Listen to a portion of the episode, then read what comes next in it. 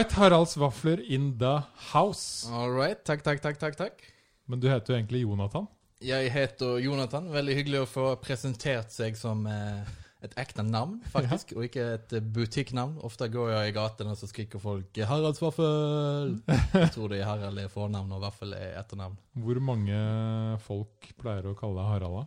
Eh, det er ni av ti folk. Ni av ti, ja. Ja. For du har jo blitt helt sykt kjent for Haralds vafler her i byen. ja, det er veldig hyggelig med vafler. Det er kanskje det hyggeligste Det er kanskje det absolutt hyggeligste med norsk kultur. Så det er ikke det verste å styre på med, altså. Ikke sant? Og det starta her i den mest ekte delen av byen, gamlebyen. Den mest ekteste Harald Hårdes plass. Ja. nedi der. Ja.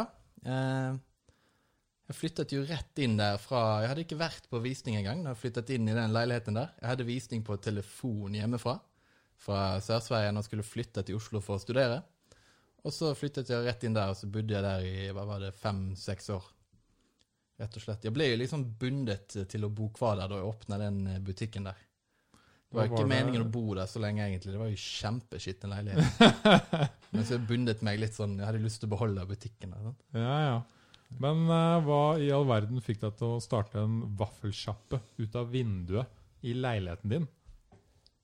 Det var jo sånn egentlig megaspontant prosjekt, egentlig. Det var ikke noe veldig tanke bak det. Jeg lurer egentlig litt fortsatt på i dag hvorfor jeg gjorde det. Uh, men jeg har alltid hatt litt sånn Jeg har en ordentlig jobb. Alltid hatt lyst til å jobbe med meg selv. Jeg er litt sånn Til tross for at jeg er her med deg i dag, så er jeg litt sånn megaintrovert, egentlig. Mm. Uh, så jeg har ikke lyst til å jobbe med andre, egentlig. Jeg har lyst til å jobbe med meg selv og gjøre ting for meg selv. og uh, Litt sånn uh, stereotypisk sånn type, you know. Ikke sant? Men, så jeg så vel egentlig, mens jeg studerte, da, så følte jeg vel jeg har ikke egentlig lyst til å studere så mye. Jeg har lyst til å gjøre på noe annet. Så jeg var vel egentlig litt sånn jakt på ting å gjøre. Og så falt jeg over vaflene, da. Som kom inn litt sånn random, helt tilfeldig. Og så hadde vi det vinduet der som bare passet eh, megabra. Og så hvordan så var det å komme over vafler? Hadde du noe jern og sånn hjemme som du begynte å Det var en stund ja, med et par studiekamerater. Vi lagde vafler ganske frekvent. Og så stekte vi vafler i kåken i helgene, og så bare var det megadigg med disse norske vaflene. Det var liksom det som slo. Jeg har alltid vært glad i mat. Og det er ikke så mye norsk matkultur som liksom ble Som kom over meg da når jeg flyttet hit. Men så det var vel de norske vaflene som slo meg eh, aller mest med norsk matkultur. Ja, for det er ofte sånn når jeg har besøk fra utlandet, de bare Bro, take me to Norwegian food place. Yeah, Jeg bare Hmm. Uh, fish. ikke sant? Og Haralds vafler. Ja, Men så var det litt det, da. Litt mangelen på annen norsk eh, matkultur. Og liksom de vaflene slo meg med en gang som at de kan du ikke kjøpe noe sted. Men de er megadigge. og så Ja. Hvorfor ikke selge et par sånne vafler? Jeg, jeg har ikke noen kokkebakgrunn heller. sant? Nå begynner jeg å bli litt flink på å lage ting. og sånn som det der. Men Ja, var jo ikke det, det. da. Eh, Da var jeg jo, sugde jeg jo på kjøkkenet for seks år siden. Men vafler kunne jeg lage, sant. Så hvorfor ikke jeg har lyst til å bli kokk også. Jeg tenkte alltid når jeg var ung, sånn, hvorfor ikke gå på kokkeskole? Så du hadde en liten drøm inni der, og du var ikke hypp på å ha noe sjef. Du, du var hypp på å være sjefen. Ja. ja, jeg ser Jeg har ikke tenkt så mye over det før nå, men jeg har alltid hatt en liten sånn kokkedrøm i meg. Da jeg var liten, sa jeg alltid at jeg skulle åpne snopbutikk. Altså veldig glad i snop. Ja. Så det har alltid vært noe sånn matting eh, i meg, altså. Definitivt. Rått, da. Så du starta Er det noe Hvordan var det du kom fram til Røra? Er det en sånn super secret, eller er det Den er ikke secret, den ligger på hjemmesiden vår. Den gjør det? Den var hemmelig i fire år, men så tenkte jeg det er digg med åpen og tilgjengelig vaffelkultur, rett og slett. Jeg er jo faktisk, eh, har blitt erklært norsk vaffelkulturminister. Wow. Et ekte, en ekte tittel fra regjeringen. Den fikk jeg av Trine Skei Grande når hun var kulturminister. What up? På ekte. Eh, Et av mine stolteste øyeblikk. Fikk du sånn liten premie da, eller sånn liten medaljong eller noe? Nei, men jeg fikk lagd en liten video, så jeg kan liksom Ja, det er bra. rewind og eh, bekrefte det. Eh, Men så ja, som eh, minister og ansvarlig for vaffelkulturen, så tenker jeg digg å ha det litt sånn åpent og tilgjengelig, og det er vel alltid hyggelig. Det er viktig. det. Jeg- Jeg har alltid en, øh, en tanke om at man må dele alt. Ja, ja. Del alt. Det er viktig. Ja, det er det jeg sier også når jeg skal leke konsulent med andre bedrifter og sånt, i, i, med medier og markedsføring og sånn. Så er det alltid, alltid det. Være Mm. åpen, tilgjengelig. Ærlighet, ydmykhet, empati. Det er alltid det det går i. For jeg husker når du var nede i gata her, den uh, svære rundkjøringen i Sveigårdsgata. Så sto du og solgte vafler ut av vinduet. Det var jo megagøy, og veldig hyggelig å møte alle naboer og, og steke vafler, og kidsa var kjempeglad i det. og Ikke- me Mega nice. Ikke, ikke bare kidsa. Nei, du også. Ja. og jeg husker uh, Det første jeg lurer på, som jeg alltid lurte på, er jo Det må jo ha stinka vafler så sinnssykt i leiligheten din. Jeg hadde ikke noe avtrekk engang. Det Du hadde ikke det? Måtte vaske taket fra smør en gang i året-type opplegg. Ja. det var jo helt forferdelig. Jeg sov jo i, i det samme rommet. Du gjorde det? Jeg gjorde det i fire, fire år. Sov og stekte vafler på det samme rommet. Men vi stekte liksom ikke så mye vafler da. Det var jo liksom ikke Eller noen ganger gikk det en del vafler i perioder, men det var ikke så ultraprofesjonell drift, sånn at det var helt uh, uholdbart. sant? Kunne ikke stekt vafler som vi har nå på Løkka i et soverom. Altså det er Forskjellig mengde. Jeg husker noen legendariske bykvelder hvor vi var på vei til nach hos meg. Ja. Og så hadde du Jeg følte du hadde sagt ja, men du hadde sikkert ikke det. Eh, til å banke på ruta når vi gikk forbi.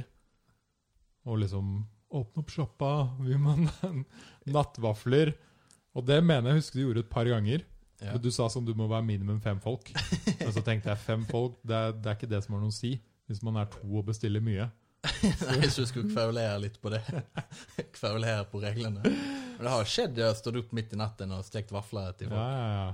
Men da har det vært ekte stamgjester, sånn som deg, for eksempel. Fucking real supporters. Ja, ja, ja. De Mm. må jo gi, gi og ta litt som eh, vaffel, vaffelkonge. Ja, ja, ja. Men så husker jeg jo også at uh, du ble stengt. Ja, for vi åpnet, eller jeg òg. jeg sier alltid vi, for jeg føler meg litt ensom, til tross for at jeg har lyst til å være ensom. Jeg sier alltid vi. Nå har det blitt vi, sant? så nå er det mer Nå har det blitt vi. Men uh, det var jeg, så jeg startet jo den sommeren 2014, var det? Så åpnet jeg på 17. mai, faktisk.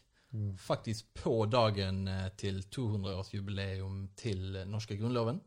På dagen. Boom! Det er ganske heftig, Ja. egentlig. Eh, så åpnet 17. mai.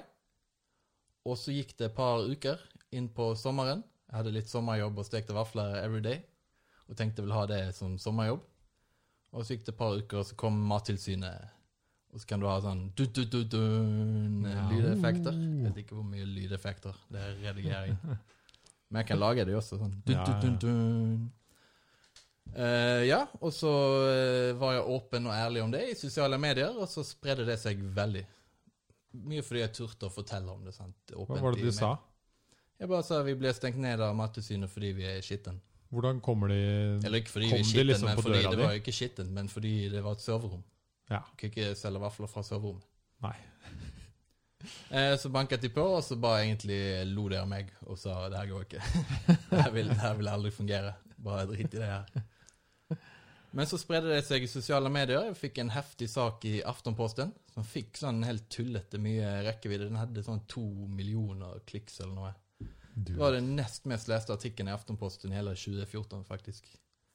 Du? Etter, det var en sak om at uh, det var flere søkere til Paradise Hotel enn lektorutdanningen. Den hadde flere. Den toppet lista, og så var Haralds Vaffel nummer to. Det er Paradise og vafler som selger, vet Ja, men det er agurknyheter som Ja, eh, fy faen. I år er det sikkert ikke sånn, da. I år er det andre ting som tar over mediebildet. Jeg tror Men da det. i 2014 var det Lullaby Times. Da Da var det agurk, agurktider. Det var ikke så tøffe tider som det er i dag. Nei. Men eh, ja, sånn var det. Og så fikk jeg liksom veldig støtte i mediet, da. Og så bare to dager etter den artikkelen, så fikk vi åpne igjen. De kom tilbake, eller hva skjedde? Ringte de deg? Jeg hadde jo liksom sånn, Det var et par ting jeg skulle fikse opp, som var bare sånn bitte små ting. Bare sette inn en vask og ikke sov der, og få fikset litt sånn eh, bruksendring med næringsetaten. Det tar en stund og koster litt penger og sånn, men det er helt mulig. Jeg er ikke så veldig stress å få fikset. Og så fikk vi åpne igjen. Så det var liksom egentlig ganske enkelt å få fiksa det. Så det jeg lærte meg, var at det er mye lettere å få lov å Det er mye lettere å få lov å sove på vaffelbutikk enn det å drive vaffelbutikk fra et soverom. Ikke Så vi sant? snudde på det da, så var det ikke så farlig, egentlig. Fortsatte du å sove der, da? Jeg fortsatte å sove der etter det, Ja, ja, ja. men det var top secret, da. ja det var Det er første gangen jeg rapper det nå. uh, Uh, eller du visste det, da, siden du pleide å banke på og se meg stå på og steike vafler i, i boksene. Jeg husker søndag var liksom made for uh, bacon og blue cheese-vaffel. Ja, den har vi fortsatt på eh, Den blir eh, levert nå til neste måned. Den blir måned, månedens digg. Så det gjør det. For den er legende. Ja, det, den har vi hatt på hemmelig meny i alle år, men det er fortsatt bestselger. Spesielt, Den spesielt på søndager hvor du trenger både liksom fett, crunchy, cheesy, søtt. Bare bland alt sammen. Ja, jeg er jo litt sånn eh, Det går an å beklage meg for ikke være eh, den mest elegante kokken. Men jeg er veldig flink på å putte masse smør og masse sukker og masse salt i ting. Så det er litt det som er fremgangsmåten min på kjøkkenet mange ganger, egentlig. Men det er akkurat sånn jeg har bodd i India. Der er det samme greia. Maten ser jo nasty ut, men den smaker jo helt sykt godt. Det har blitt mye flinkere på, da. At det skal se digg ut. Det er veldig Mm. fokus på, altså. Det er bra, men, da. eh, Men det skal ikke være sunt, altså. Det er blitt full, eh, full dessert, eh, nasty fokus, altså. Ja, det er jo, du går ikke, Når du først skal ha vaffel, da, Ja. så går du ikke for å få i deg noe sunt. Nei, skal jeg du kose veldig- Ja, ja, ja. Jeg er veldig sånn Jeg tror det er veldig viktig for kroppen hva du putter i den. Jeg tror det er skadelig for kroppen å spise mat som ikke det er puttet noe form for kjærlighet i. da. Men så selv om det kanskje er veldig usunt, så er jeg jo veldig jeg jo veldig glad i de vaflene. Jeg har puttet masse kjærlighet i de vaflene. Så jeg tror det på et eller annet sted må det, det må, Kroppen må få det med seg på et eller annet sted. Tydeligvis funker det jo, fordi du starta jo sjappa her i gata fra soverommet. Ja. Hvor mange år var du der? Der var vi helt til eh, Helt til jeg ble kastet ut av huseier.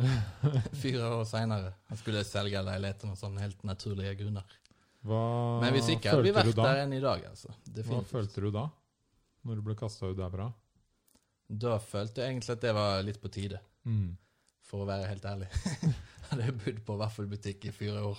Og det eh, Hadde fått meg en dame som var litt lei av det. Eh, hun nektet å sove der, naturlig nok.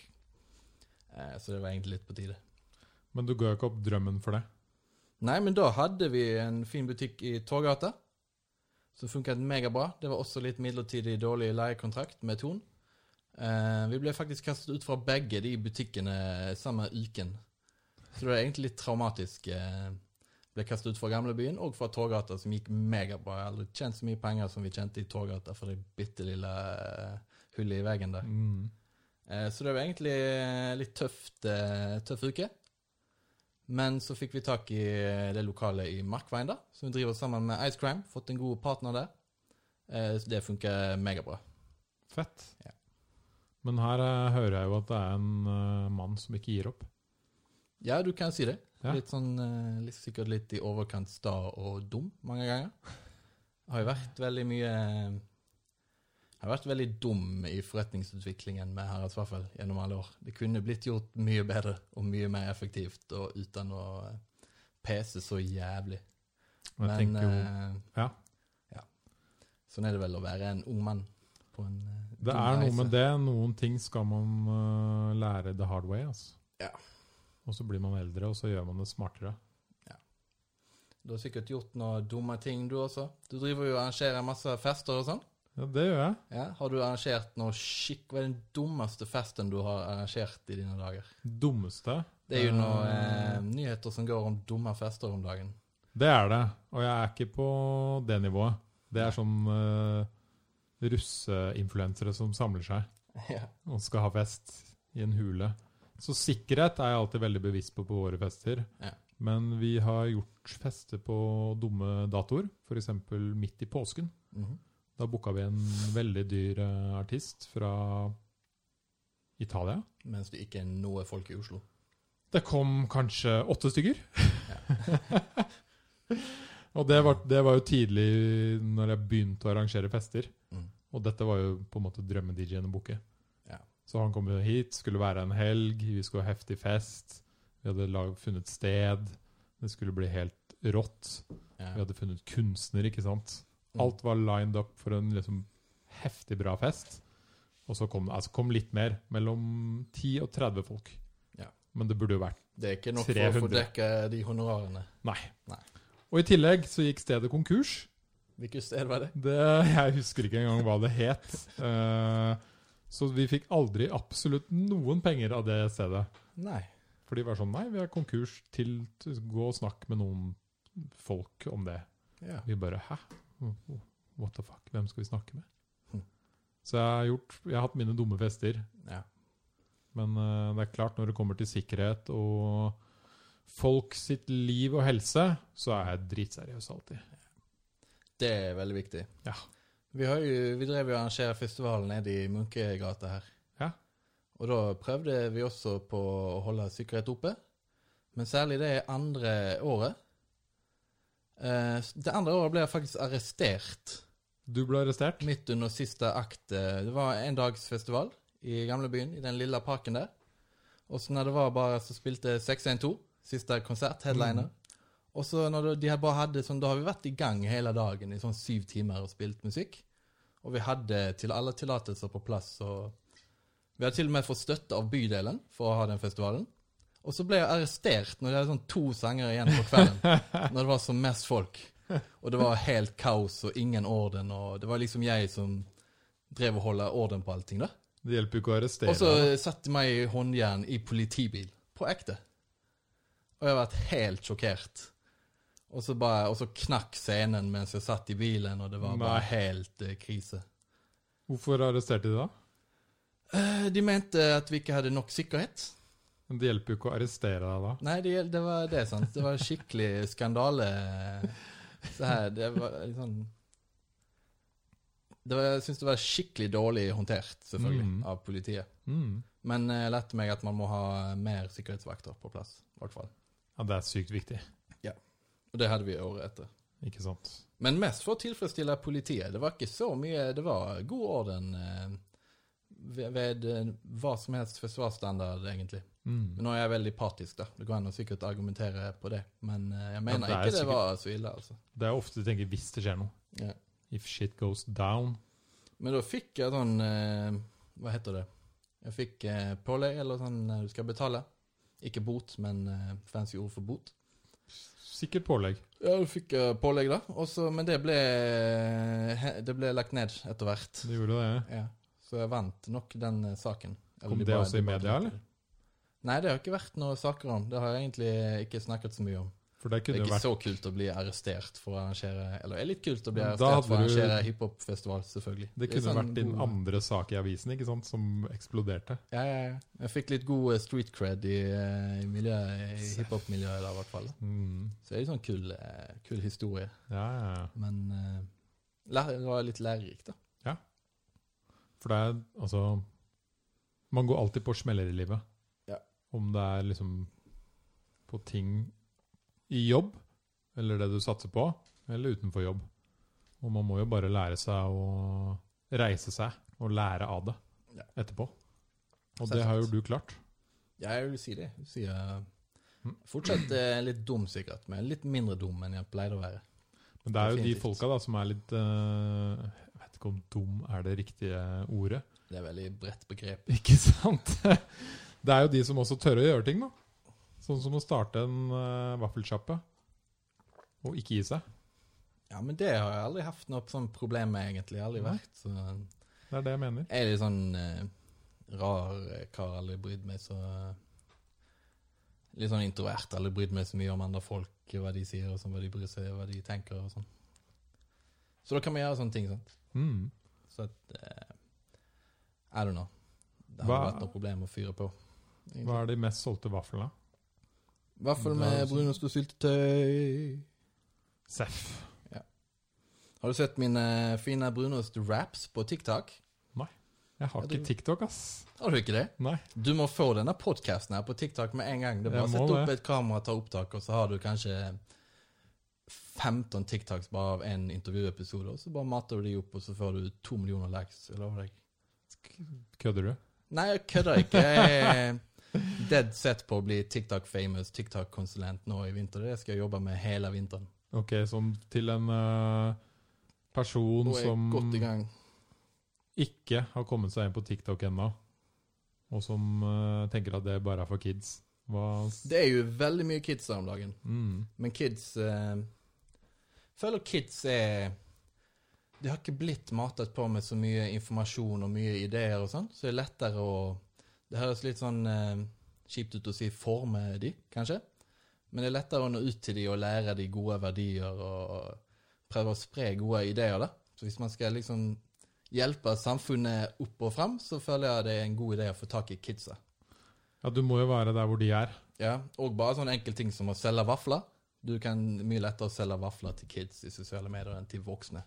Du kommer, du når ut til dem mye lettere. Mm. Så at litt sånn eh, At det bare er kids der, det ser jeg bare som positivt, egentlig, hvis man har lyst til å spre ideer og selge ting. Så det er kids og deg, da. Kids og meg. Men det er jo hyggelig med kids. Jeg Det er det. Jeg er ikke noe mot det. kids, Og det er mer og mer voksne der. Det, sånn er det jo med alle sosiale medier. Det starter jo med en begrenset målgruppe, og så sprer det seg derfra. ikke sant? Men dude, har du sett The Social Dilemma, eller? Nei? På Netflix. Jeg så den her om dagen. Ja? Hva er dilemmaet i det? Skal jeg bring, bring the er real shit down, Det er mye dilemmaer med sosiale medier. skal jeg bring the real shit down? Um, Veldig viktig med noen sånn eh, negative konspirasjonsteorier og sånn når det er podkast. boom. Men det er rett og slett uh, De som har jobbet i de sosiale mediene, som har slutta Ja. pga. etiske problemer, og de som f.eks. har lagd like-knappen da, på Facebook, Ja. eller de som har lagd infinite scroll, som betyr Det at du kan scrolle jo evig. eh, et, en uh, oppfinnelse fra Som kan være fra himmelen, men også muligens kan være fra helvete. Akkurat. Avhengig av hvordan det blir brukt, selvfølgelig. De som har lagd sånne recommendation denne videoen neste, ikke sant? Men jeg gjør mye av det med kidsa. Jeg har en kanal som jeg kaller TikTok-skolen. Mm. Da gjør jeg en del av det. Jeg prøver å lære kids å være bevisst på hva de konsumerer av innhold, og liksom faktisk tenke over hvorfor de scroller hele dagen. Ja, for det er sykt viktig. Fordi det de sier da, er at alle IT, sånne sosiale medier er bygd opp av algoritmer. Alle de algoritmene er bygd for å tjene penger. Enkelt og greit. Kun tjene penger. Selvsagt. Sånn er det. Uh, en interessant ting de har forska på innenfor det, er jo at fake news, f.eks. på Twitter, det sprer seg syv ganger fortere enn ekte nyheter. Mm. Hva vil det si? Det vil si at algoritmene tenker hm, denne tjener vi mer penger på, da promoterer vi den mer. Mm. Så derfor blir det promotert mer fake news enn vanlig news, fordi det er mer penger i det. Det selger bedre, ikke sant? Ja, ja.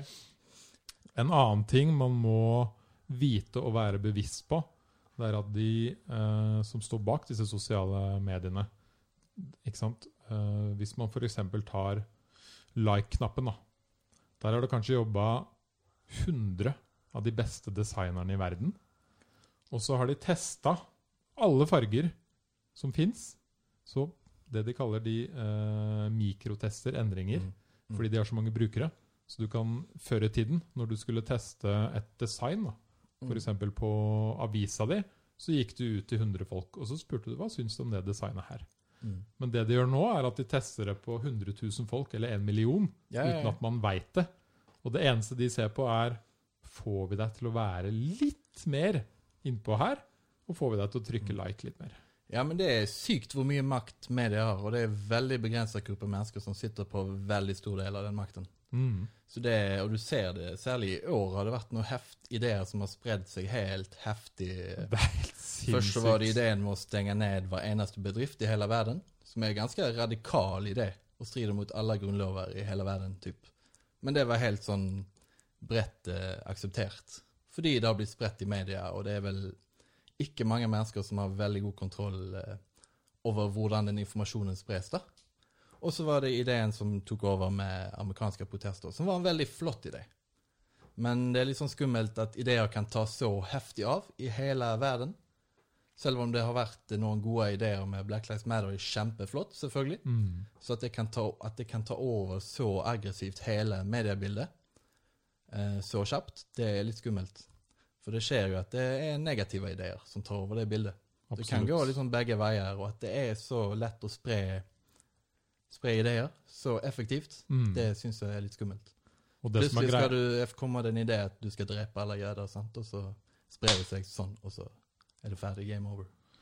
Ja, og problemet med det er jo at uh, når man begynner å tro på det på sosiale medier, så vil man bli mata med mer av det. Ja, fordi folk er ikke bevisst nok i Nei. hvordan de konsumerer. det. Ikke sant? Og Men det vi må huske på, at det er gratis kanaler, alt dette. Så det går an å bruke til sin fordel. Å konsumere godt og være bevisst. Absolutt. Og dele ting og dele gode ideer. Det er fullt mulig å konsumere og bruke det til sin fordel. det går an. Og man, så lenge man på en måte er bevisst på at det eneste de vil Altså, du er produktet på sosiale medier, ikke sant? Mm. De selger jo deg til Ja, men jeg selger også meg selv, og jeg kan bruke dette på veldig god måte. Og da klarer du å eie dem. Problemet er bare når folk ikke er bevisst på hvordan de konsumerer. Og det Mm. blir ikke Særlig Man burde lære seg det i skolen. Det, er, det, det burde man virkelig lære framover, fordi Så det er litt det jeg prøver å gjøre med denne TikTok-skolen, egentlig. Selv om jeg har mye dumme TikTok, så gjør dumme ting for at det skal liksom Funke. Ofte sprer dumme ting seg bedre. Av noen grunn. Men så kan man liksom prøve å ha litt fornuftige ideer der innimellom, da. Mm. Det, det er noe jeg har lyst til å gjøre mer og mer av, egentlig. Og tenk i tillegg, da, kids i dag som vokser opp med mobilen i hånda. Ja, ja, det er Vi vokste jo opp uten, ikke sant? Og så fikk vi det etter hvert. Men de vokser jo opp rett inn i det man kan kalle for the matrix, ikke sant? De, Ja, ja, ja. de veit ikke om en verden uten. Men vi vokste jo også opp i en type verden som foreldrene våre ikke vokste opp i. Altså Verden er jo forskjellig for hver generasjon. Ja. Så at, eh, det tror jeg kan sies alltid, egentlig. Alle må tilpasse seg tidene. Men det akselererer selvfølgelig. Det blir jo Det det sykere er- og sykere forskjeller for hvert. eh, Ja.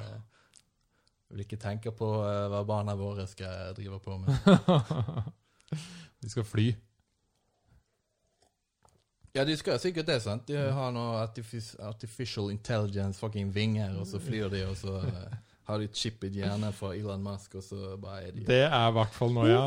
Når du skal begynne å få det direkte inn i hjernen. Jeg er klar for det. Fyr meg opp med den chipen med en gang. Altså, Jeg er alltid sånn som liker å teste ting sjæl. Ja, ja, ja. så jeg eh, hadde nok uh, testa det.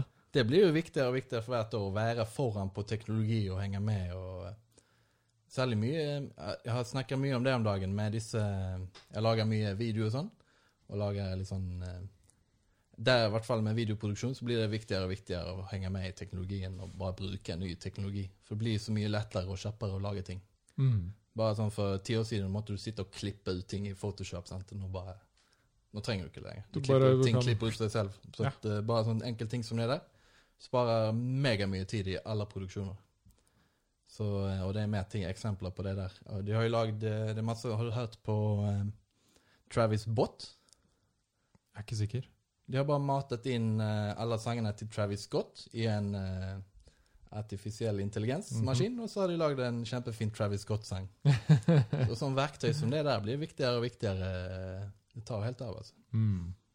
Og så gjelder det å prøve å forstå litt hvordan som vi sier da, hvordan funker det bak panseret på den teknologien. Ja, ja, ja. Hva er egentlig formålet med Facebook? da? Det er jo å tjene penger.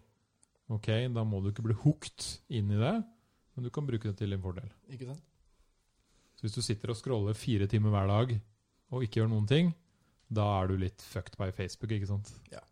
Men hvis du er innpå der og promoterer deg selv og deler ting, og så stikker du, Ja, eller bare scroller litt for å finne inspirasjon og møte vennene dine og sånn Må bare være selektiv. Det, tror du, du blir liksom en eh, Du blir jo hva du putter inn i deg, sant? du blir en bot. Du, blir, eh, du sier du blir hva du spiser, men du blir også hva du scroller og hvem du snakker med. og Du blir jo en sum av inputen du får.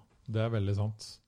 Og de vil jo at du skal være der mer, og da, hvis du da er der mer, så kan du bli en Det det jeg har sett skje med folk nå, er at de har eh, falt for mange av de tingene som blir delt på internett. Det hadde jeg akkurat en podkast om. Mm. Konspirasjonsteorier, Pizzagate, QAnon, Mm. ikke sant? Det er gøy. Pedoringer. Den har jeg ikke hørt på ennå. Nei, jeg den er Jeg elsker konspirasjonsteorier. Ja. Oi, oi, oi. Det er det beste jeg vet om. Uh, men ok, back to the waffles, da. Hva er det som skjer uh, borte på Løkka der nå? Går det bra, eller? Ja, det går megagreit. Vi har hatt et eh, fint år til tross for omstendigheter. Vi har klart å ikke tape penger i år. Ja. Det er ikke så mange serveringssteder som klarte å ikke tape penger. Det har hjulpet å være megaliten i år. Mm. Eh, så det er nice. Brunostis Det sånn- har dere faen meg fått inn. Ja, den har vi hatt uh, lenge, egentlig. Det er rått. nice. Det er veldig rått. Jeg har lært meg å lage is i år. Jeg lager en del is selv. Veldig gøy. Eh, Deilig, da. fått mye mer iskremfokus. Vi har slått oss sammen med Ice Crime oppi der sant? og fått en uh, litt voksen og profesjonell partner. Så er det sånn eh, voksen eh, butikk der nå. Så det har gått megagreit. Prøver å finne nytt lokale inne i sentrum og sånn, og så blir det litt vafler framover. Skal du åpne en til, eller? Ja, forhåpentlig. Hvis vi får tak i noe lokale, da. Det begynner å se veldig, eh, veldig gode tider å spekulere i leieavtaler. Så det burde absolutt være veldig mulig i løpet av vinteren her. Mm. Jeg spår eh, veldig koronahelvete til vinteren her. Du gjør det? Det blir vel influensatider, og du ser jo det går opp nå, og alle skal sitte inne hele vinteren. Og mange serveringssteder skal gå konkurs den vinteren her, tipper jeg. Ja. Og det passer egentlig veldig fint hvis du har lyst til å finne nye, leie, lo, nye lokaler inne i sentrum. Det kommer jo også til å gjøre at det er dukker opp det. nye ting, da. Som du sier. Ja, ja, ja. Det kommer til å dukke opp nye startups, nye serveringssteder, nye typer sjapper som vi ikke har sett før. Så jeg syns det er kjempegøy. Ja, the time of my life i krisetider. Det har det. Det har jo veldig mye med hva man gjør ut av det, ikke sant? Ja, ja, selvsagt. Og så er jeg litt sånn eh, Som sagt litt introvert. Jeg syns ikke det er så kult å Eller det er kult, men ikke så gøy å møte mennesker uansett. Sier du som har står og liksom, møter eh, folk hele dagen. Ja, men det er noe annet når du bare Men jeg syns ikke nødvendigvis det er det gøyeste i verden heller. Stå og steke vafler til folk. Så, jeg, altså, jeg har ikke lyst til å gjøre det Hele livet. Nei, selvfølgelig. Du har hatt din tid bak jernet. Ja, vi regnet ut, eller jeg kalkulerte med gode matematiske metoder at jeg har stekt vafler personlig, me, hands on, til sånn 10-20% av befolkningen i Oslo. Hvor mange vafler tror du du har stekt, da? Mm, det er sånn eh, 200 000. 200 000 vafler? Så jeg tror jeg regnet til et eller annet at eh, hver person har kjøpt to, eller noe sånt som det. Og så tenkte jeg det er 10-20% Det var det som var den avanserte matematikken bak det estimatet. Ikke sant? Dypt matematisk formel eh, som du har vært Ja, jeg oppi der. studerte jo faktisk matematikk før jeg ble vaffelmann, Du gjorde det? på ekte. Slutta du å studere, eller? Jeg sluttet å studere ved et punkt, halvveis gjennom bachelorstudiet. Ikke sant? Gikk for drømmen og Ja, jeg gikk ikke så hardt for, for det, egentlig. Hadde egentlig et par år der jeg bare loket rundt litt og uh, stekte vafler i helgene. Og et par uh, litt for mange skrekke år, egentlig. Men det er år man lærer av òg, så man må ikke se på det på den måten. Nei, man må jo må vel skrekke rundt litt i ungdommen, tenker jeg. ja, ja, herregud. Jeg har også gjort det, og det er en del av pakka. Skal ikke være effektiv hele livet. Og skal ikke være business-wise hele tiden. Nei, men jeg føler jeg blir mer og mer effektiv for hvert år. Ikke sant? Definitivt. Får ut mer informasjon. Fett. Så en ny sjappe. Men det må jo ha skjedd noen sjuke ting på den sjappa før, da? Ja. Eh, det har jo vært veldig mye folk innom og sånn.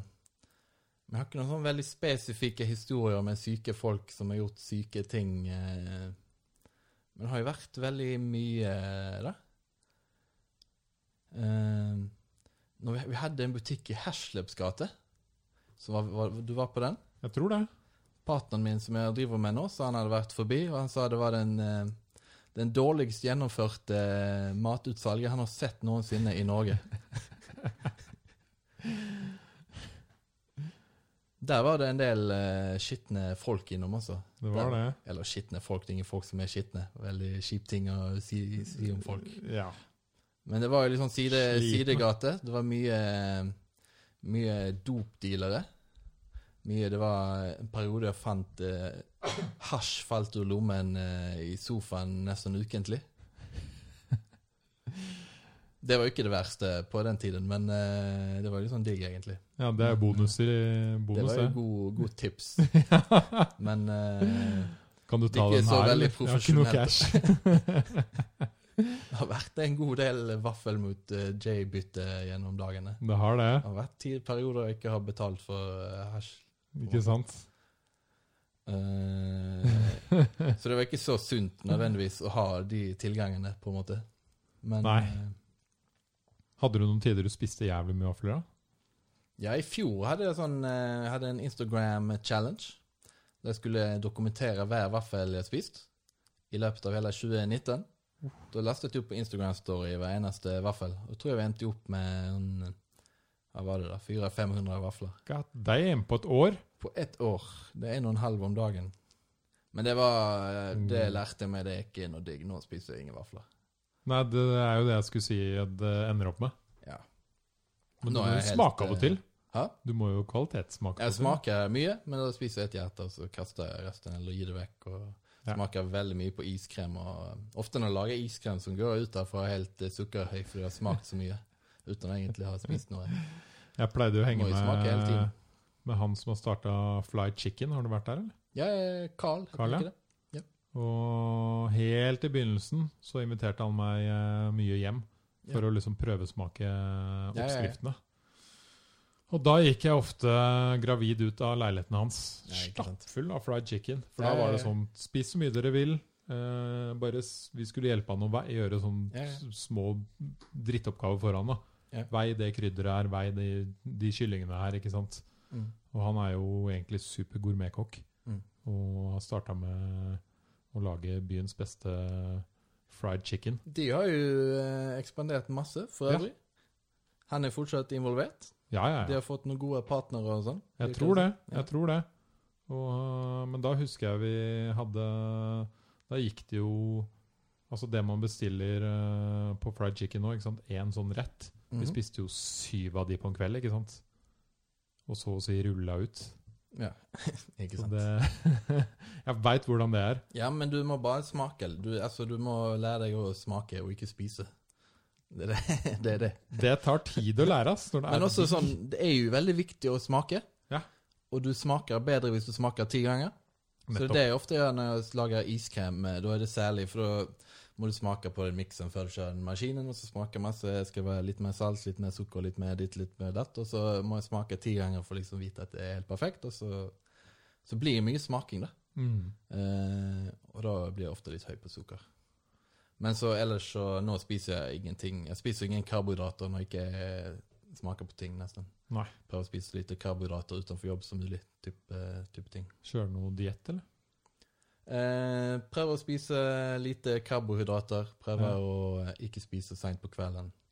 Spise mye Litt fisk. fasting. Jeg har gått med D-vitaminmangel i mange år. I fjor hadde jeg ikke negler omtrent. Det er det jævlig mange i Norge som har. Så jeg har lært meg å drikke tran hver morgen, spise mye fisk. Eh, har hjulpet meg enormt. Altså Alle sammen må vite at nå som vinteren kommer, så må man få i seg D-vitamin. Altså. Ja, ja, ja. Den tranen er, det er ikke leik. Den tranen er digg. Alltid drukket tran, jeg. Og den står alltid i hylla, og det er bare å ta seg en slurk. Men før så var jeg for, jeg var for gjerrig for å betale for hverken fisk eller tran. Det er dyrt, sant? Det er mye billigere med de kylling... Prioriterte bønne og vaffel. De. First Price kyllingvingene og de nakkekotelettene, pakkene for 50 kroner kiloen. Det er mye billigere enn fisk, sant? Men så har jeg lært meg det er viktig å liksom investere i litt fisk. Det er jo igjen tilbake til at man utvikler seg i livet, da. Og lærer. Ja. Hele tiden. Men uh, Men ellers så bare stoppe i meg ting som jeg vet er lagd av med kjærlighet på eller annet, en eller annen måte. Kan godt spise masse snop og sånn hvis jeg vet, eh, kjenner noen som har lagd den som jeg vet de er glad i den. Og, uh, bare Det må være noe kjærlighet i maten. har du noen sånne faste kunder, eller som liksom alltid kommer? Ofte. Ja. Sånn som jeg var en gang, men noen som er liksom levelet over meg. Jeg husker jo mest på de som liksom var tidlige kunder da, i gamlebyen. Jeg husker jo best på de fjesene, på en måte. Ja. Etter hvert så har det blitt for mange fjes.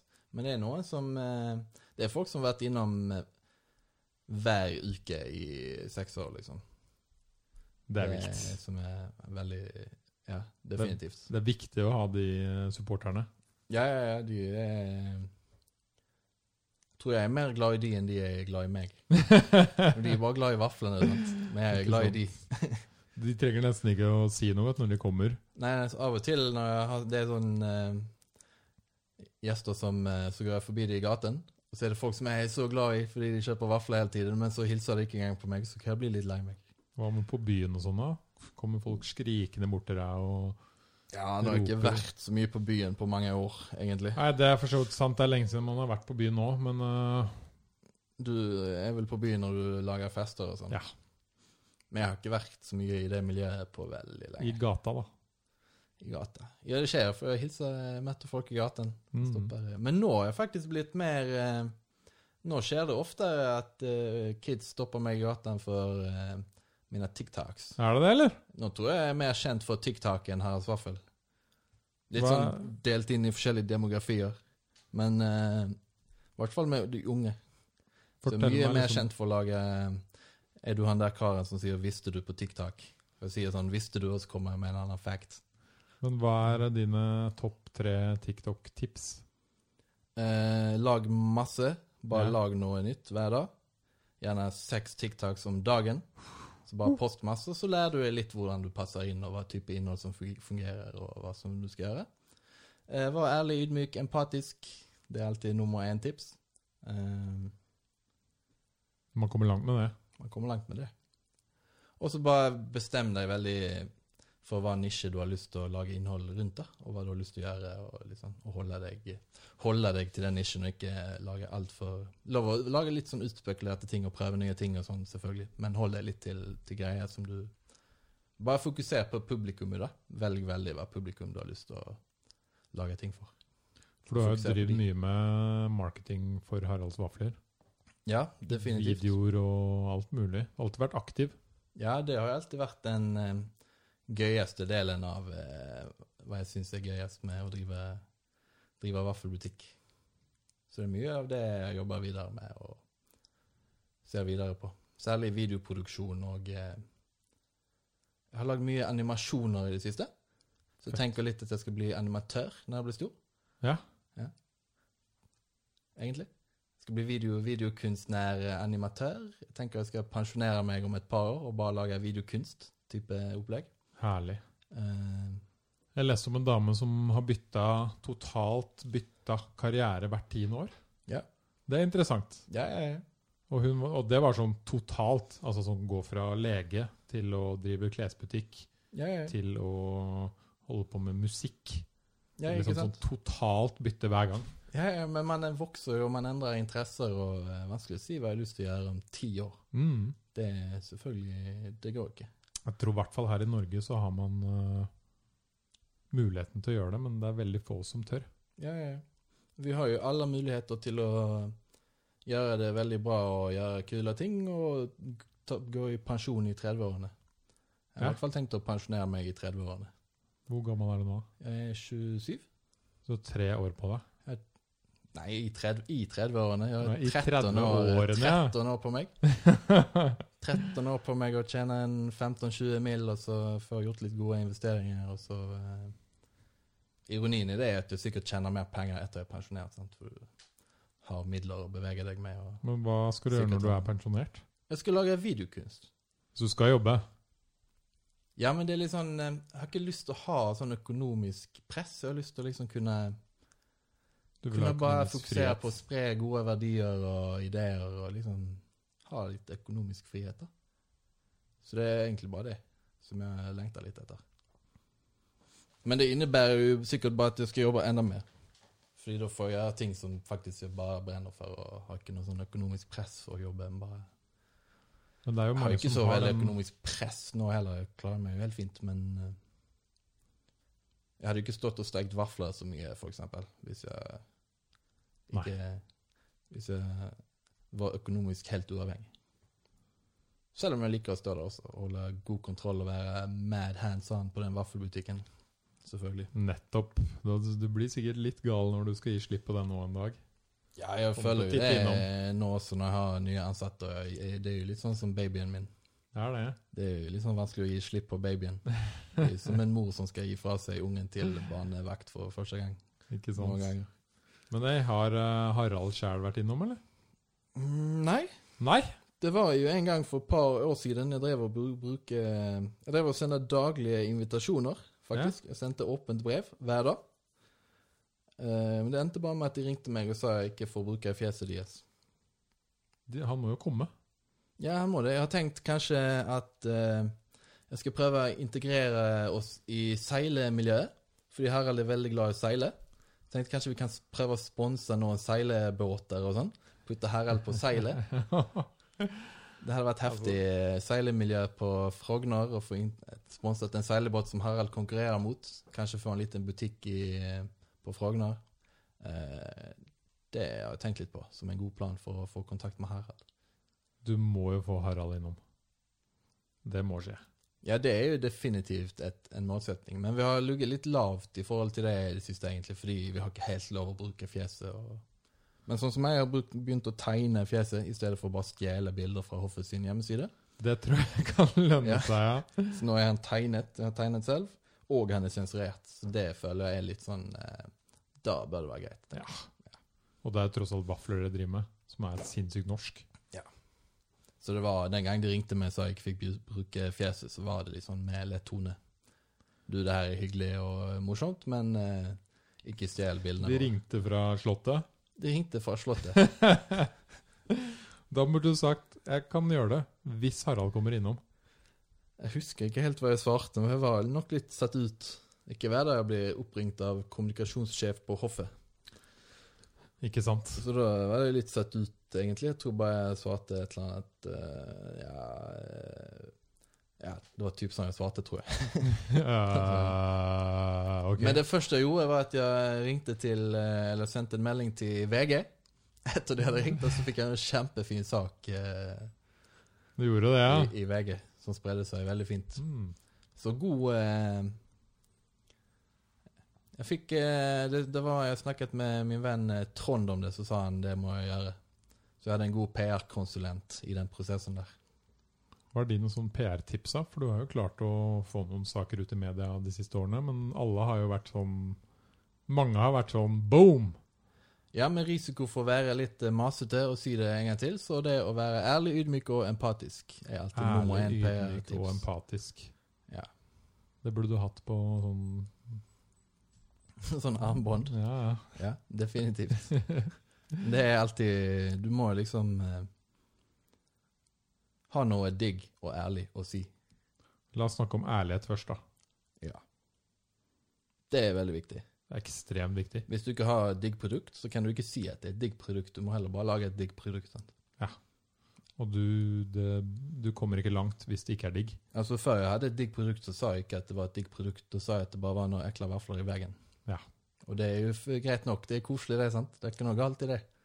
Så du må bare si hva det er. og Det er vel det som er tipset. Mm. Vær ærlig, og vær empatisk Ja. Og ydmyk. og ydmyk. Tør å vise frem dine feil og mangler og være litt menneskelig. Altfor lite det gjør jo du veldig med TikTok og sånn, da, regner jeg med. Ja, ja, ja, definitivt. Altfor lite merkevarer som er tør å vise mangler og tør å stå frem som faktiske mennesker. da. Men alle mennesker er jo faktiske mennesker, så det kreves for at du skal liksom bygge litt tillit til merkevarer. da. For det skjer et eller annet, et, eh, og det snakka jeg med en annen eh, kompis som driver startup her om dagen. Når en startup liksom når en størrelse, så kommer det inn noen sånn superproffe folk, og så er det sånn nå skal vi droppe alt som har med mennesker å gjøre. Nå er det branding. Nå er det heftig branding her, folkens. Og det er ikke noe galt i heftig branding og fine bilder og flotte ting og heftige videoer og store ideer, og, men du må ved et punkt også kunne vise frem din menneskelige side. Mm. Du må kunne ha begge sidene. Fordi mennesker kan være veldig store, men alle vet også at mennesker er av og til veldig små. Så Ja. du må liksom ha hele spektrumet hvis du skal være der oppe, så må du også være der nede. Noen Det er derfor sånne formater som det her tar veldig over mediebildet. Sånne intime podcast-formater. eh, Folk går mer og mer mot det, og mindre og mindre ser på Idol på TV 2. Fordi de har lyst til å komme litt nærmere og være litt mer ærlig og ydmyk og empatisk. Nettopp. Og så er det noe med det at eh, folk begynner å bli litt lei da, av hvordan tradisjonell media funker. Ja, ja, ja, selvsagt. Du får ikke La oss ta en debatt på TV, da. Han er utrop til Fredrik Solvang, da. Han er kjempebra. Han er jævlig bra. Ja. Han digger jeg. Han er ærlig. Han er ærlig. Og ydmyk. Og ydmyk. Og empatisk. Jeg digger når han Han er liksom bare, han er bare best. Så utro, de debattene er jævlig bra. Altså. De er veldig bra. Ja.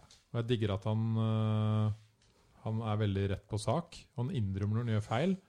Og av og til så stammer han jo litt og liksom klarer ikke helt å si noe sånt, men da bare smiler han litt, og så kommer han seg videre. Han er, han er, Han er han er, menneske. gud, altså. Han er menneske. Ja, ja, ja. Men det jeg skulle si om uh, veldig mange debatter, da, og problemet med det, det er jo ofte at du skal snakke om et tema som er utrolig komplekst, Mm. og så har du fire folk, eller det de kaller eksperter, eller forskere, eller et eller annet, som skal svare på noe i to minutter. Mm. Og hva får du egentlig sagt på to minutter? ikke sant? Ikke sant. Ikke en shit. Det er veldig mange temaer som krever eh, mer tid enn to minutter, Ja. som du sier. Det er veldig mange temaer som krever det, og Det er ikke så mange forelesninger på universitetet som er to minutter lange. Nei. For eksempel. du hadde ikke fått med deg mye da. Nei, nei. Men du kan spre informasjon på to minutter, men Du kan det, jeg gjør det på TikTok på 15 sekunder. ja. Det er det som er litt utfordring med det formatet, egentlig. Men det er en helt annen format, ikke sant? Og en annen greie Mm. enn sånne debatter hvor man forventer å få dyp kunnskap, for da. Mm. Eller god informasjon. Og så sitter du hjemme og bare What the fuck, hva er det som egentlig skjedde i den debatten? Men det kan være et veldig godt inngangspunkt da, for å søke opp videre informasjon. Det kan det. Så det gjelder eh, i dagens medieformat å ha litt sånn kjappe hooks for å kunne få folk kjapt interessert. da. Det er vel veldig nøkkel i dag. Et par kjappe hooks, og så kan du ha et annet sted der du formidler informasjonen litt dypere og går litt lenger. Det det jeg også ser på som utfordringer med det, er at det føles som alt er kjappe hooks der ute. Ja, ja, ja, men det er jo ikke det. Nei. Og det er ingen Men det grunn til at det føles skal sånn. være det. Det føles Men, sånn ikke sant, når du ser på det. Men du må liksom søke opp ting. Du kommer tilbake til å være bevisst i konsumsjonen og søke opp ting bevisst. og Ok, her fant jeg noe kult. La meg sjekke ut det litt dypere, i stedet for bare å scrolle i 15 sekunder videoer og se på 100 andre 15 sekunder videoer. Mm. Du må liksom velge hva du skal, hva du skal fordype deg selv i. da. Ja, Hva er det du fordyper deg i om dagen, da? Mm, jeg fordyper meg mye i markedsføring. Ja. Jeg er veldig interessert i hvordan ideer spres, og hvordan verdier formidles og sånn. Det syns jeg er veldig spennende. For det er så utrolig viktig, og det, blir, det er så utrolig stor del av hvordan framtiden ser ut. Så det syns jeg er veldig spennende å spekulere. Og se på intervjuer og lese om det. og eh, Det er litt sånn udefinert tema også, sant. Så det, men det syns jeg er spennende. Eh, konspirasjonsteorier. Oh. Selvfølgelig. Sånn eh, Joe Rogan podcast og sånn, det er det beste i verden. The fucking man. man. Du er jo åpenbart veldig inspirert. eh. det er Uten selvfølgelig tvil. det beste. Uh, Hvordan lærer du ting? vafler og mat, matlaging. Hvordan lærer du ting på nett? I en, liksom, på- i, en, I en verden da, hvor det er så mye informasjon. Jeg hører på podcasts. Ja. Ser på intervjuer med spennende folk. Det er vel about det som jeg gjør, egentlig. Mm.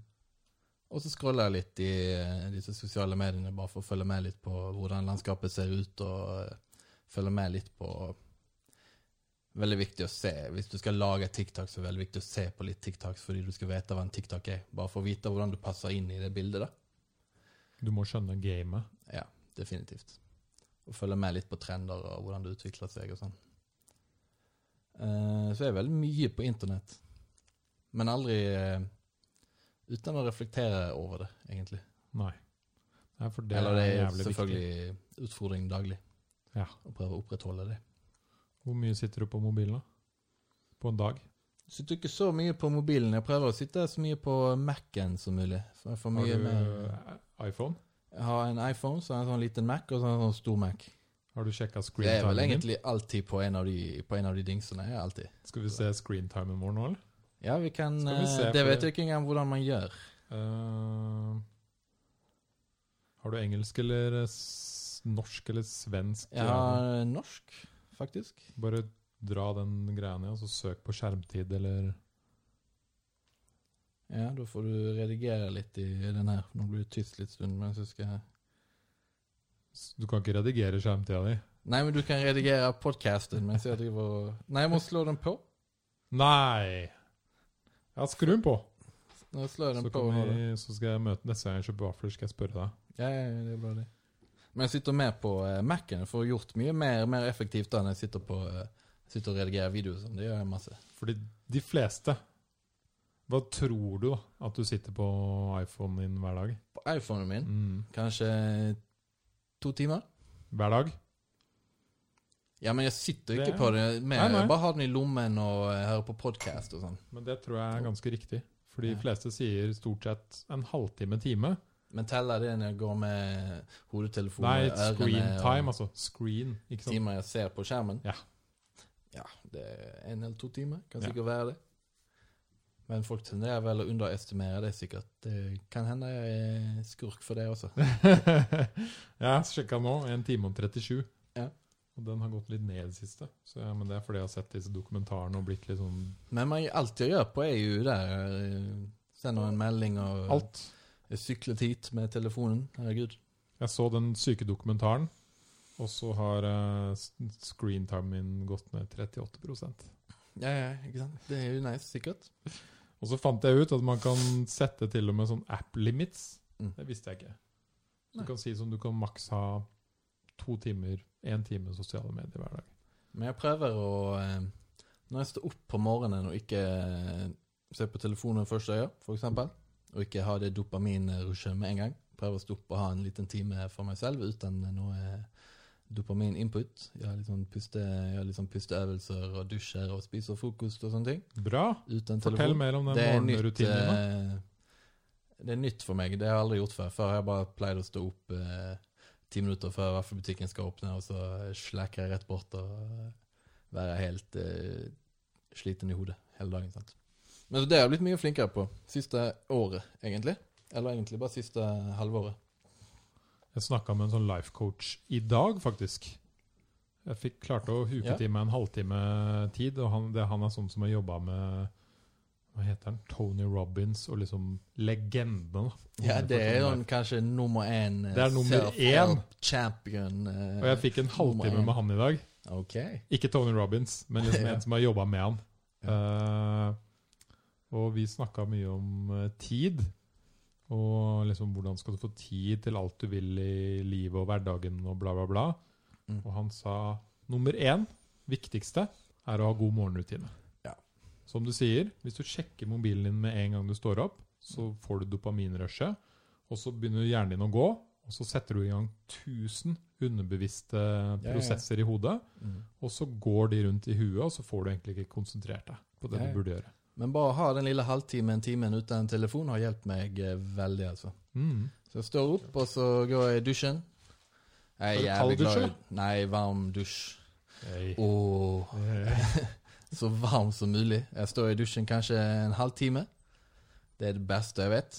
Står i dusjen, Jeg har alltid stått i dusjen lenge. En halv time? kjeft av romkamerater og damer og sånn fordi jeg bare står i dusjen. Jeg kunne stå i dusjen hele dagen. En halv time i dusjen? Ja, det, det er ikke kødd. Jeg kan stå en halv time i dusjen. Jeg bare står der. Og så, jeg, Ja, jeg vet ikke, det er noe, jeg tror det er litt sånn eh, Jeg bare står der, og så glemmer jeg at jeg står der. Litt sånn, sånn meditasjon nesten. Jeg står og mediterer i dusjen. Mega nice. Det er det. Det er Ja, det du gjør. Så dusjer, pusser tennene, pusser tennene før jeg spiser. Det har jeg også fått kritikk for. Det er også noen Eh. venner som gjør, og det er helt på trynet. Det, Ja, men det er er, jo så jævlig weird. Det er så weird. Dusjer jævlig lenge, pusser tennene, setter meg og um, gjør sånn pusteøvelse for Wim Half, The Iceman. Samme her. Ja, ja, mega nice. Ja. Han så intervjuer med Joe Rogan, der jeg lærer meg allting om livet. Og så eh, ble helt supergiret på Wim Half. Tror jeg skal dra på en sånn training camp og sånn. Ja. Det hadde vært det kuleste i hele verden. Da har jeg eh, mål Men jeg hater de kalde dusjene og kaldbadingen, da. Det har jeg aldri det. Det er bare bare driter i. Men jeg puster, og det er jævlig nice. Ja, det er bare å Men du kan jo ta litt og litt kaldere, da. I dusjen. Nei, Nei. det er litt varmere og varmere. Det har jeg ikke Det får bli eh, til en annen gang. Det er gøy vi snakker om det her, fordi her er notatene fra møtet med han duden i dag. Ok. Og han øh, Han sa morgenritualet, som sagt, jævlig viktig. Ja. Og finn ut ditt morgenrituale.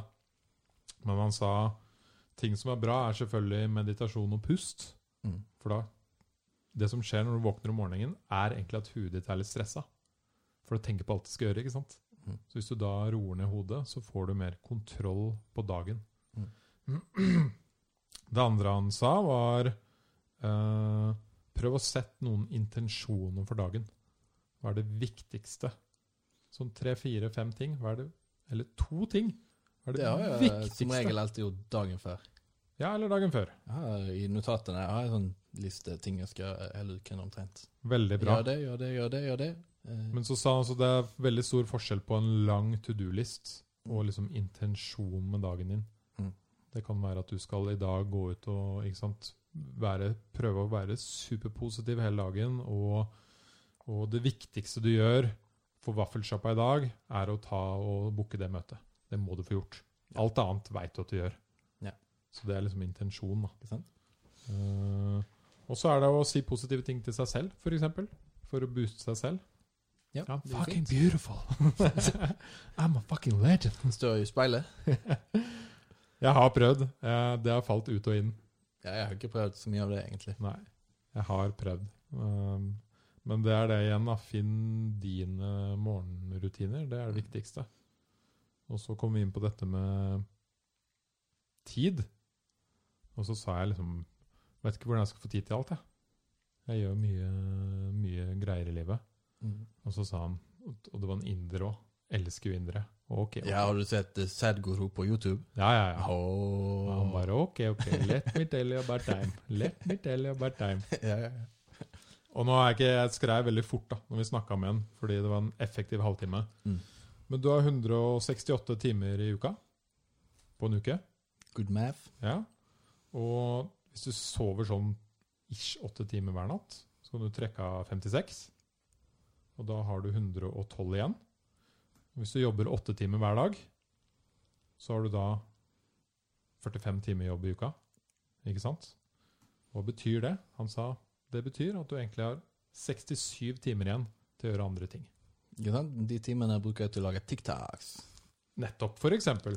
Da Ja. bruker du det til noe. Promotere deg selv, skape et brand, gjøre et eller annet. Han sa de fleste mennesker bruker de den tiden på dritt. Og da er det, ikke sant Uh, Det er ikke noe galt med dritt heller. Jeg prøver egentlig å bli flinkere til å gjøre dritt. Det er ikke noe galt med det. Du, må litt, ha en, du må ha eh, en balanse. ja, ja. Du må ha en god balanse. Fordi hvis du bruker alle de timene på dritt, så får du ikke gjort noe annet enn jobb Mm. og sove og spise i livet. ikke sant? Ja. Hvis du har en Spørs hvordan man definerer dritt, selvfølgelig. Ja, og da sa han typisk time waste. Da. Det er jo når du, som vi har snakka om, hvis du kun bruker sosiale medier, og det går negativt utover deg og tiden din, så er det dritt. Så man, lenge man er bevisst over hva man gjør på, så kan det aldri være dritt for det. Nei, men da er man ikke bevisst, ikke sant? Da er man ubevisst. Ja. Og Så man bare er scroller slukt. bevisst og Slukt inni i det på eh, åtte episoder av Masterchef. Ja. hver dag. Ja, hvis du ikke liksom, har megalyst til å studere Masterchef og hva de gjør på. Da er det en annen sak. Jeg har sett mye på Chef's Table, blitt mye inspirert av det. Ikke sant? Det er dritbra. Men tilbake til tiden, da. Så er spørsmålet Du kan stille deg sjøl hvordan bruker du de 67 timene hver uke? Ja. Det var det han sa. Tenk på det. Tenk på tiden din. Uh, vurder de 67 timene. Og så sier han jo ikke at du skal bruke alle de på å jobbe supereffektivt, for det går ikke, ikke sant? Det har lært meg om, om å bruke tid, er at det ikke er nødvendigvis eh, Effekten du får ut av tiden, er ikke nødvendigvis så lineær som mange tror. Absolutt ikke. Sånn som, eller Det spørs hva du driver med, der, og hvilken bransje du er i. Det er derfor serveringsbransjen suger egentlig litt. Den er veldig lineær. Du lager en vaffel, og så blir den spist, og så er den ut døren og vekke. Gone forever. Ja. Så det er veldig sånn For å drive serveringssted så er det veldig mye vedlikeholdsarbeid. Så du lager en eh, Hvis du lager en film, så lager du den, og så er den der forever og kan betale for seg forever. For evig. Men spørsmålet er da hva gjør du i dødtiden du ikke lager vafler? Er du på TikTok? Promoterer du deg sjæl? Lager du videoer? Ja, men så jeg tror det velger, gjelder litt å være å velge hva man driver med for å få det meste ut av tiden sin. da. Og jeg tror ikke serveringsbransjen er stedet å være for å få mest ut av tiden sin. For det er bare masse arbeid inn, og det kommer ikke så mye penger ut i serveringsbransjen. Jeg tror det er ting som kan vare lenge, som gjelder hvis du skal få mest mulig ut av tiden din. Og da er det teknologi og media, kode og media. Det er vel det mange Det sier også. Det er det som står lenge, og det som kan betale for seg mange ganger tiden lagt inn. Ja, eller eiendom. Ja, eller eiendom. Og, eh, men ikke, aksjer. å, eller, ikke å selge mat. Nei, men du kan jo levele det. Du kan levele det, men da er begynner du å bevege deg mer og mer inn i eiendomsbransjen. og Da blir ja. det, da er liksom ikke Nettopp. Men eh, jeg tror en mye mer effektiv måte å få mest mulig ut av tiden sin, er å lage media og lage kode. Det gjør jo du. Det vet Ikke jo du alt om. Og da lager du koden, og så du må sikkert fikse litt på den i etterkant og fikse masse på det, men eh, den er der. Og folk kan bruke den uavhengig av hvor mye tid du legger inn i den. da. Det er et godt poeng. Jeg vet ikke om jeg er helt enig. Jeg tror det er eh, penger og nytelse, holdt jeg på å si, i alle bransjer. Ja, ja, Men du må klare å Du må klare å game det gamet, ikke sant? ja, ja, ja, selvsagt. Og du må forstå det, og det tar tid, og som du sier uh, Men som hvis vi skal tjene mer penger på vaflene nå, så må vi litt sånn inn i eiendomsbransjen og finne gode leieavtaler og finne de gatehjørnene og finne ja, riktige er leiekontrakter. Neste level i gamet. Det handler ikke bare om å lage digg vafler. Sant? Så jeg kan lage en digg oppskrift, og da er oppskriften der forever. Sant? Men det er litt sånn Det er litt sånn der det slutter. Ja. Videre så handler det bare om å finne riktige leieavtaler. Og finne gode driftere og gode folk å drive det. Og, Nettopp. eh, så det er litt sånn eh, Det går an å levele det, men det handler ikke om eh, Det handler om litt andre ting da, enn bare å lage mat. Og så er det jævlig mange der ute som tror de er sykt opptatte, men så gjør de egentlig ikke så mye. Nei. Og det er en veldig vanlig ting. Ja. At man bare er så sykt opptatt. Og så bruker du ikke den tiden din egentlig så fornuftig ikke sant? på oppgaver du egentlig kanskje ikke trenger å gjøre. Kanskje ikke er så viktig. Eller eh, prioritere feil oppgaver Mm. som egentlig ikke betyr noen ting for f.eks. bedriften du jobber i. Da. Et godt eksempel er, eh, som jeg har hørt før, er uh, I Excel så er det sikkert 1000 funksjoner, ikke sant? ja. Programmet Excel. Ja, ja, ja. Og kun Jeg husker ikke hva det er. Ja. Kanskje sånn 8 blir brukt. Mm. Og det er et eksempel på at de har brukt jævlig mye tid på ting man egentlig ikke bruker. Jeg har brukt jævlig mye tid på regnskap gjennom årene som jeg ikke hadde trengt å bruke i det hele tatt. Hvis jeg bare trykt på et par andre knapper. Så det er sånne ting som det der. Du må effektivisere Ja. Og det er jo sikkert noe du også har lært mye om. da. Noen ganger må man ta de kjedelige oppgavene òg. Regnskap er det verste i verden. Jeg Det for, er begynner jeg først å lære meg nå. Det har jeg bare gjort helt eh, ræva i alle år. Ja, Og så, eh, ja. Du har ikke liksom fått noen til å gjøre det for deg? Jeg hadde det en stund, og så endte det med at vi fikk eh, tvangsmulkt fordi det bare fucket opp en arbeidsgiveroppgave et eller annet sted. Det er det Og som er så fulgte- Man må jo uansett følge med, følge med på det. sant? Så, Mm. det, så jeg bare endte opp med å gjøre det selv, og så er det ikke så veldig avansert eh, regnskap for en liten vaffelsjappe, egentlig. Men det er likevel sånn vanskelig for en svenske å navigere, og eh, først nå har jeg begynt å ta det ordentlig på alvor, og tenke at det er veldig, det er veldig viktig med ryddig Det er jævlig viktig. Men det gamle enkeltpersonforetaket mitt det er helt krise, lok og rot, altså. Det Nå har vi nytt selskap Jeg har fått lagt ned, da. Heldigvis. Ja, ja, ja. Der var det mye rare events og mye rare salg som jeg Ja, det, Ja, så det jeg tenker også med mitt gamle enkeltpersonforetak. Bare legge det ned og håpe at det aldri blir booket syn på det. Nei. Ja. Men det er ikke lett å legge det ned heller.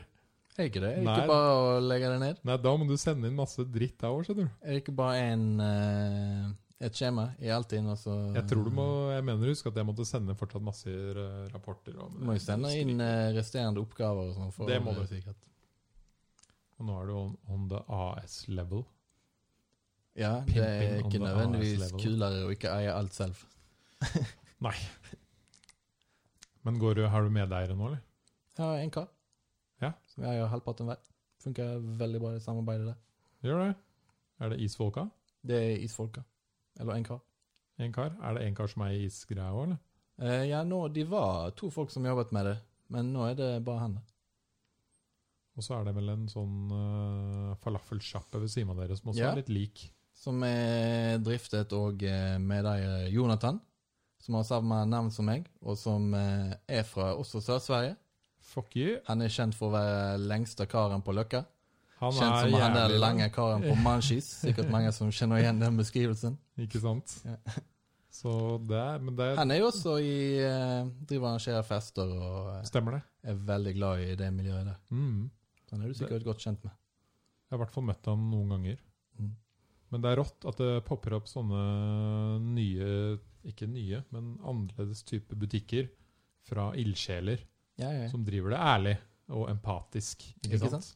Og som lager det ut av med sjel, og fordi de digger det. Og det er mye bedre det enn en Mækkern til. Ja. Som suger sjela ut av byen. Ja, det, ja, det er sant. Det er ikke noe galt med en Mækkern-burger, men uh, Mækkern har egentlig kjørt seg jævlig opp i det siste. Jeg er egentlig imponert av McDonald's eh, i Norge. Du har det har det? blitt superfreshe, disse McDonald's-butikkene. Ja, de har passa seg inn Disse skjermene funker jævlig bra. Og de har egentlig ledet, eh, vært en ledestjerne i eh, hvordan man skal ta inn seg teknologi som en, ny, som en stor Ja, serveringssted. herregud, men tenk hvor Mac-en imponerer egentlig. De har fått superfreshe lokaler og pusset opp alle lokalene. og Jævlig bra.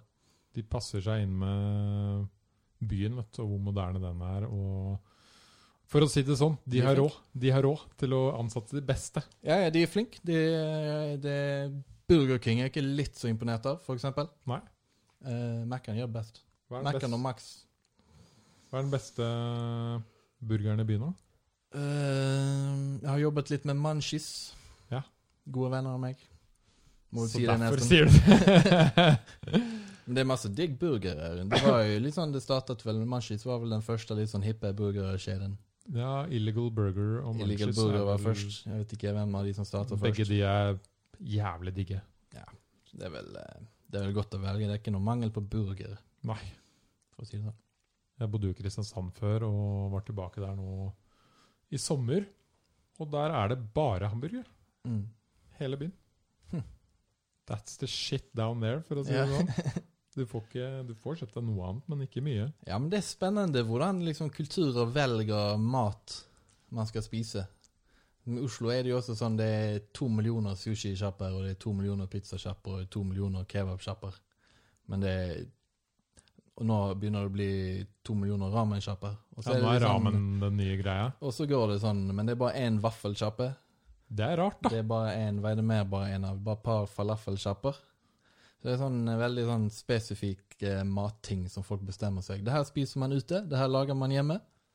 Og så deler folk inn det sånn. Når jeg begynte å selge vafler, eller fortsatt folk som er sånn Nei, jeg spiser ikke vafler, kjøper ikke vafler, vafler lager jeg hjemme. Uh, Så det er litt sånn eh, Men det er ingen grunn Det er ikke lettere å lage vaffel hjemme enn det er å lage pizza hjemme, eller eh, kebab hjemme, eller ja, burger hjemme, eller hva som helst. Det er jo litt sånn Det er bare kulturelt pålagt hva folk velger å spise, og når Mm. på dagen. Og, så jeg syns det er egentlig litt spennende hvordan sånn spesifikke, eh, rare ideer om hva man skal spise. Man skal spise brødskive til frokost. ja, den ideen sitter i hvert fall veldig dypt inne i foreldregenerasjonen. Ja, ja, når jeg var barn, så måtte jeg spise brødskiver tre ganger om dagen. Jeg fikk bare spise ordentlig mat en gang om dagen. sant? Ja. Det er jo helt forferdelig. Det Hvis jeg jo skulle ha det i sånn kosthold nå, det er ikke rart at jeg var deprimert hele oppveksten. Bare, dytt i deg brød hele tiden. ja, ja, ja, det er ikke, ikke noe digg, det. Brød er ikke så jævlig sunt, ass. Mamma, kan ikke få noen proteiner? Nei, spis brød. En brødskive med smør og en skinkebit, det er ikke liksom det sunneste du kan få i deg.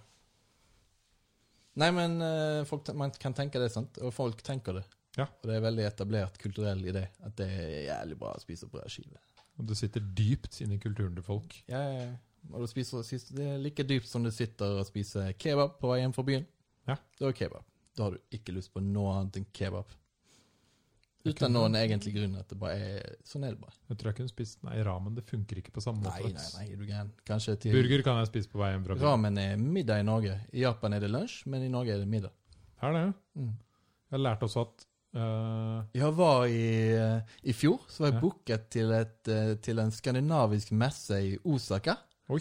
Det var megagøy. Da fløy de meg ut og honorerte meg for å stå i et bur i ti dager og steke vafler.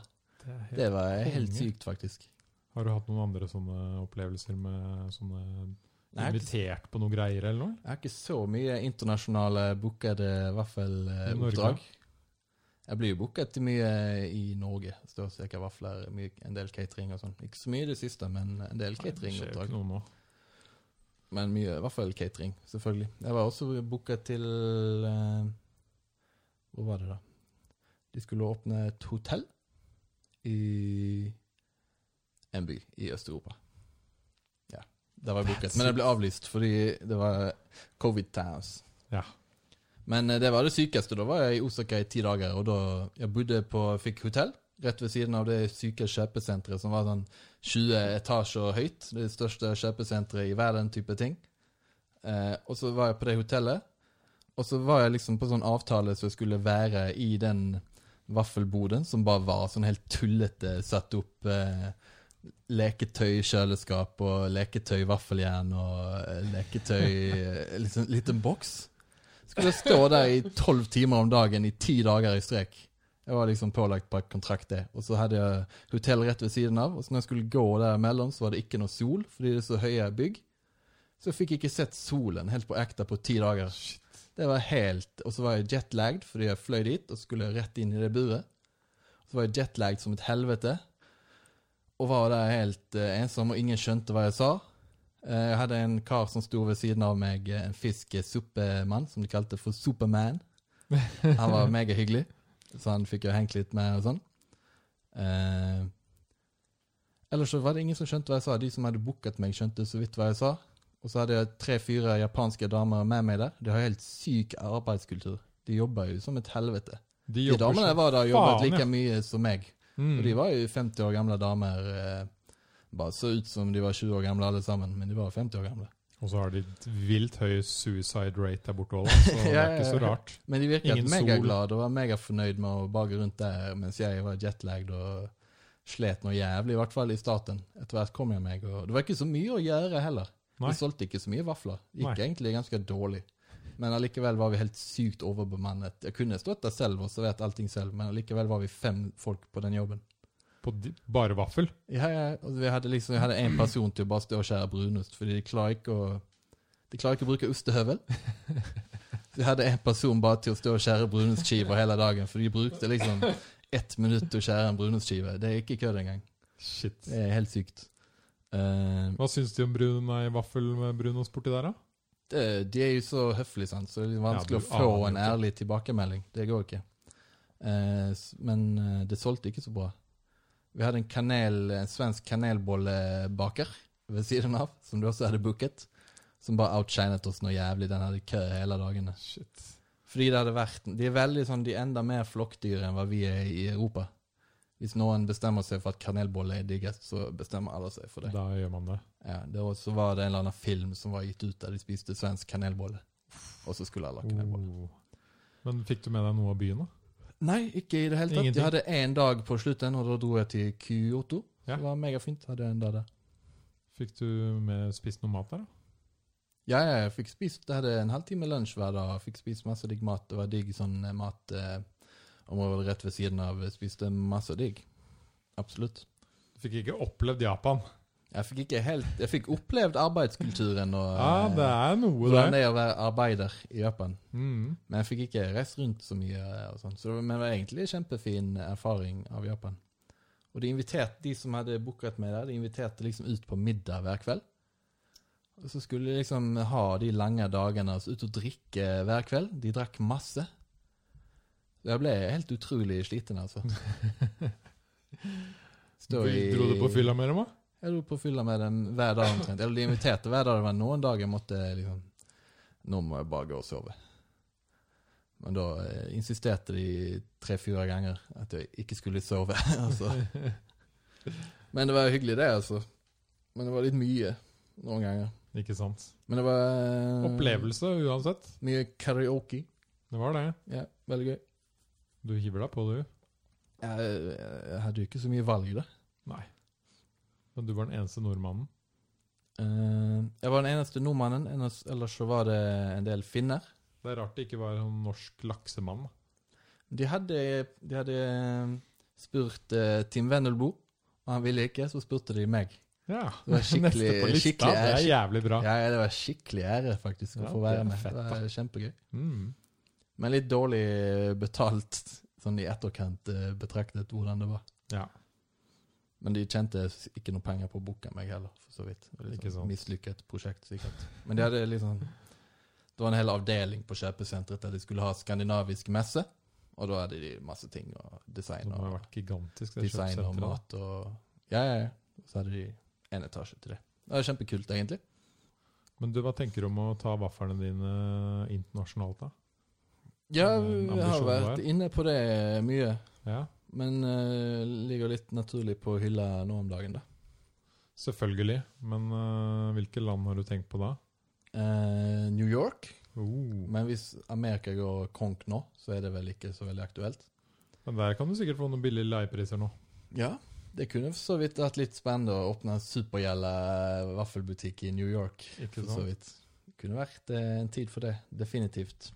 Ellers så tenkte vi selvfølgelig faen, på Japan, siden jeg var der. Og, eh, men det er veldig vanskelig. Må vi må ha en partner som snakker japansk. Og, eh, Er det ikke noen norske kaffesjapper i Japan? Jeg tror det. Jeg det er det Fylen.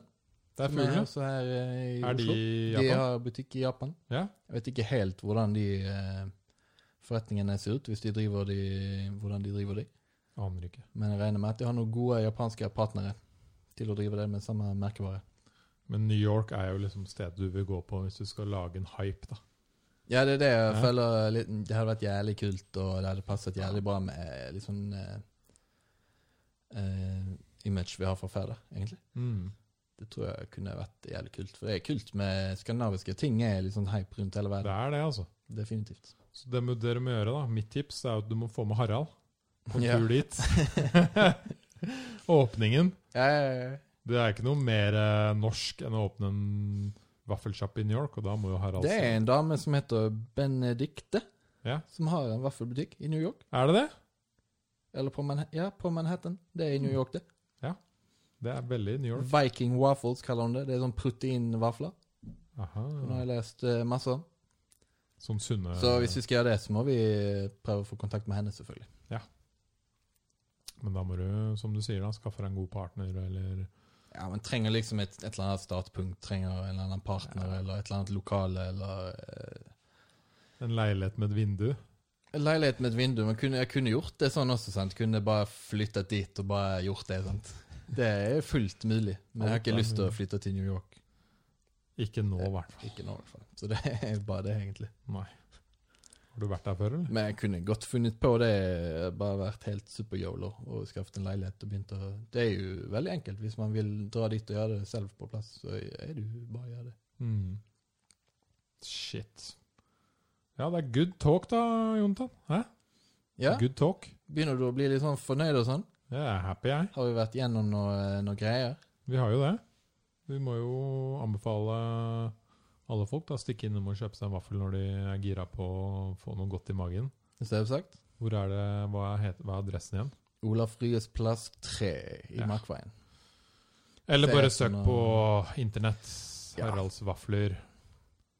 Ja, det er ganske search engine optimized og uh, god uh, digital nærvær, Ikke sant? selvsagt. Jeg regner med at du kommer opp ganske høyt opp hvis man bare søker på vafler. Så er ganske fargerik, fargerik butikk. Det er det. Det skal gå an å finne den. Ikke sant? Med malt fasaden gjort det enda mer fargerikt nå. Mm. Veldig fint. Og ellers, sjekk deg ut på Instagram og sånn. Haralds vafler. Ja, på TikTok, Og på TikTok. selvfølgelig. Og du må få deg TikTok til den podkasten her. Jeg må få meg det. Det lover jeg kan meg hjelpe meg masse med rekkevidden din her. Det kan det. Ja, ja, for show. Det ser jeg en del podcaster gjør. Og Du skal vise meg det når vi stikker etterpå. Du skal få mye mer visninger på de, på de TikToksene enn du får på lytninger på podkasten. Det skal jeg love deg. TikTok, ass. Du må bare finne de Du må bare ta, ta det opp, først og fremst, og så må du bare finne de gode klippene, et par morsomme ting som folk sier, og sånn, og så er det ferdig. Så jeg må begynne å ha ja, Veldig enkel, uansett veldig enkel produksjon. Filmer. Ja, ja, ja. Hvis du har sett filmer, så er det megaenkelt å bare redigere ned til de 20-30 sekunder klippene der det er liksom kulest action. Ikke sant? Og så må jeg jo gjøre sånn stunt, da. Enten så må jo Det er ikke akkurat Mattilsynet som stenger meg ned, men uh, Vi får se.